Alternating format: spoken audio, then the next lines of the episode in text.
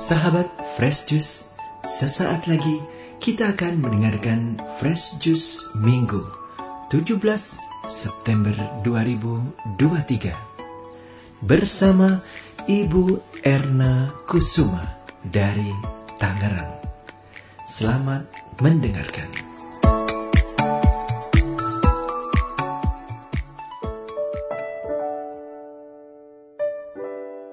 Para pendengar dari Fresh Juice di mana pun berada, bacaan Injil pada hari ini dikutip dari Injil Matius bab 18 ayat 21 sampai dengan ayat 35 menuliskan perumpamaan Yesus tentang pengampunan.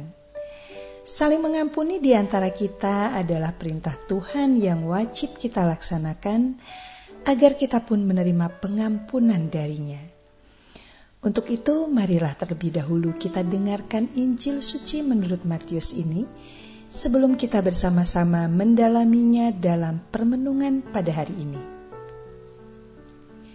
Sekali peristiwa, datanglah Petrus kepada Yesus dan berkata, "Tuhan, sampai berapa kalikah aku harus mengampuni saudaraku jika ia berbuat dosa terhadap aku? Sampai tujuh kali?" Yesus berkata kepadanya, "Bukan, aku berkata kepadamu, bukan sampai tujuh kali, melainkan sampai tujuh puluh kali tujuh kali." Sebab hal kerajaan surga itu seumpama seorang raja yang hendak mengadakan perhitungan dengan hamba-hambanya. Ketika ia mulai mengadakan perhitungan itu, dihadapkanlah kepadanya seorang yang berhutang sepuluh ribu talenta. Tetapi karena orang itu tidak mampu melunasi hutangnya, raja itu memerintahkan supaya ia dijual beserta anak istri dan segala miliknya untuk pembayar hutangnya. Maka sujudlah hamba itu menyembah dia, katanya, "Sabarlah dahulu, segala hutangku akan kulunaskan." Lalu tergeraklah hati raja itu oleh belas kasihan akan hamba itu, sehingga ia membebaskannya dan menghapuskan hutangnya. Tetapi ketika hamba itu keluar, ia bertemu dengan seorang hamba lain yang berhutang seratus dinar kepadanya. Ia menangkap dan mencekik kawannya itu. Katanya, bayar hutangmu. Maka sujudlah kawannya itu dan memohon kepadanya, "Sabarlah dahulu, hutangku itu akan kulunaskan." Tetapi ia menolak dan menyerahkan kawannya itu ke dalam penjara sampai dilunaskannya segala hutang itu. Melihat itu, kawan-kawannya yang lain sangat sedih, lalu menyampaikan segala yang terjadi kepada tuan mereka.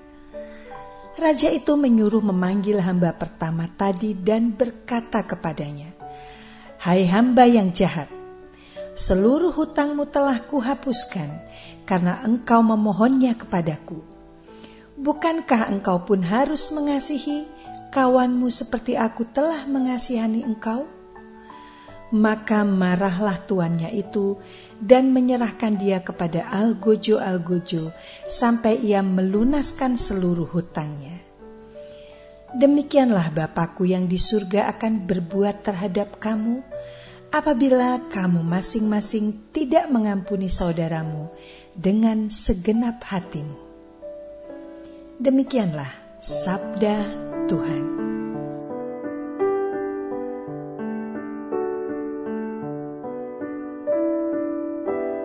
Para pendengar setia dari Fresh Juice yang dikasih Tuhan, dari Injil Matius yang baru saja kita dengarkan, Yesus mengajarkan tentang pentingnya pengampunan.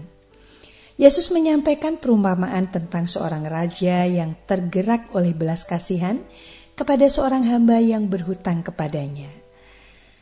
Ketika hamba itu bersujud dan menyembah dia, tergeraklah hatinya oleh belas kasihan akan hamba itu, Lalu ia pun membebaskan dan menghapuskan semua hutangnya. Seharusnya hamba itu bersyukur karena hutangnya yang sangat banyak itu dihapuskan. Tetapi hamba itu tidak mau mengampuni hamba yang lain yang berhutang kepadanya dalam jumlah yang sedikit saja. Perumpamaan Yesus ini hendaknya dapat menyadarkan kita bahwa betapa pentingnya kita mau dan mampu mengampuni kesalahan orang lain, sesuatu yang tidak selalu mudah untuk dilakukan. Umumnya, kita ingin diampuni, tetapi sulit mengampuni. Salah satu poin dari doa Bapa kami yang diajarkan sendiri oleh Yesus adalah tentang pengampunan. Ampunilah kesalahan kami seperti kami pun mengampuni yang bersalah kepada kami. Apakah kita sungguh-sungguh mendaraskan doa Bapa kami ini? Ataukah kita mengatakan mau mengampuni orang yang bersalah padahal sesungguhnya tidak seperti itu? Kenyataannya, kita masih memendam kekecewaan, kemarahan, atau bahkan kebencian. Yesus telah meminta kita untuk belajar mengampuni orang lain, walaupun mereka telah menyakiti kita, telah melukai perasaan kita. Yesus tidak meminta kita untuk membenarkan tindakan yang salah ataupun untuk mengabaikannya, melainkan meminta kita untuk memberi kesempatan kepada penerima pengampunan untuk memperbaiki perilaku negatif mereka, terlebih lagi jika sebenarnya mereka sudah diliputi oleh perasaan bersalah atas perbuatannya, maka penting baginya untuk memperoleh pengampunan. Pengampunan yang diterimanya adalah obat mujarab untuk pemulihan dan penyembuhan luka-luka yang mereka alami sebagai akibat dari tindakan mereka sendiri, serta terbukanya pintu bagi rekonsiliasi dan perbaikan relasi yang sempat tergores atau bahkan rusak. Pengampunan memungkinkan orang untuk membangun kembali relasi yang positif dan sehat di antara yang mengampuni dan yang diampuni. Bagi kita sendiri, yang diminta oleh Yesus untuk mengampuni kesalahan orang sebanyak-banyaknya yang diumpamakan sebanyak 70 kali 7 itu. Sesungguhnya telah menerima berkat juga dari pengampunan yang kita berikan. Dengan mengampuni kita dibebaskan dari beban emosional seperti perasaan marah, stres, atau perasaan-perasaan negatif lainnya. Mengampuni artinya melepas beban perasaan negatif yang ada di dalam diri kita, serta terhindar dari dampak negatif akibat memburuknya relasi. Mengampuni kesalahan orang akan membantu kita untuk tumbuh dalam kasih, karena dengan mengampuni kita telah berhasil menjalankan ajaran Yesus serta dapat melakukan tindakan yang serupa dengan Yesus, menunjukkan kasih kepada orang lain. Bahkan di saat orang itu tidak layak menerima kasih kita. Dengan mengampuni, kita mempraktekkan kasih yang telah ditunjukkan kepada kita oleh Yesus Kristus, membantu kita untuk meneladani kasih yang agape dari Yesus. Kasih kita akan menjadi semakin sempurna ketika kita tunjukkan kepada orang yang justru melukai hati kita. Yesus telah mengingatkan kita, apabila kamu mengasihi orang yang mengasihi kamu, apakah upahmu? Bukankah pemungut cukai juga berbuat demikian? Matius bab 5 ayat 46. Jadi sesungguhnya dengan mengampuni orang lain, kita tidak hanya membebaskan mereka, tetapi juga membebaskan diri kita, membebaskan diri dari belenggu-belenggu yang menghalangi kita untuk menjadi bahagia. Ada banyak tokoh dunia yang menyitir ajaran Yesus tentang pengampunan ini. Desmond Tutu misalnya, teolog yang berasal dari Afrika Selatan mengatakan, Pengampunan adalah tanda bahwa kita lebih kuat dari apa yang menyakiti kita. Atau Martin Luther King Jr. yang dianugerahi hadiah Nobel perdamaian atas jasanya melawan kesenjangan ras melalui perlawanan damai, mengatakan pengampunan adalah tindakan kasih yang paling sulit tetapi juga yang paling memerdekakan. Para pendengar dari Fresh Juice yang dikasih Allah, Mengampuni bukanlah hal mudah, tetapi sangat penting untuk dilakukan. Maka diperlukan waktu serta upaya yang serius untuk mewujudkannya. Dengan mengampuni, kita telah membuka jalan menuju kehidupan yang lebih bahagia, lebih damai, dan lebih bermakna. Mengampuni bukanlah tindakan yang hanya sekali dua kali saja, melainkan harus menjadi kebiasaan hidup kita. Mengampuni sampai 70 kali 7 hanyalah kiasan untuk menyatakan pengampunan itu tanpa batas. Sebaliknya, jika kita gagal memberikan pengampunan kepada orang lain, maka kita pun gagal menerima pengampunan dari Tuhan, sebagaimana yang telah disampaikan oleh Yesus di bagian akhir dari Injil akhir ini. Demikianlah Bapakku yang di surga akan berbuat terhadap kamu apabila kamu tidak mengampuni saudaramu dengan segenap hatimu.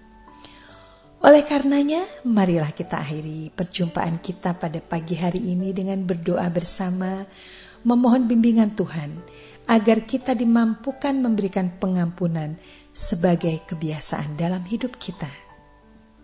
Dalam nama Bapa dan Putra dan Roh Kudus. Amin. Ya Bapa kami, Tuhan yang berkuasa atas pengampunan dosa dan kesalahan putramu telah mengajarkan pentingnya memiliki kasih untuk memudahkan kami mengampuni orang yang bersalah kepada kami. Tetapi pada kenyataannya sering kali kami gagal mengampuni. Oleh sebab itu, bimbinglah kami senantiasa agar tak henti-hentinya kami belajar dan berusaha untuk mengampuni kesalahan orang dengan sepenuh hati Janganlah engkau biarkan kami berkutat dengan perasaan marah dan perasaan-perasaan negatif lainnya akibat perbuatan orang lain. Tetapi bantulah kami untuk menjadikan Yesus Kristus sebagai suri tauladan dalam kasih dan mengampuni. Kami berdoa dengan perantaraan Yesus Kristus Tuhan dan penyelamat kami. Dalam nama Bapa dan Putra dan Roh Kudus. Amin. Terima kasih. Sampai jumpa bulan depan. Sahabat Fresh Juice, kita baru saja mendengarkan Fresh Juice Minggu 17 September 2023. Terima kasih kepada Ibu Erna untuk renungannya pada hari ini. Sampai berjumpa kembali dalam Fresh Juice edisi selanjutnya. Tetap semangat, jaga kesehatan, dan salam Fresh Juice.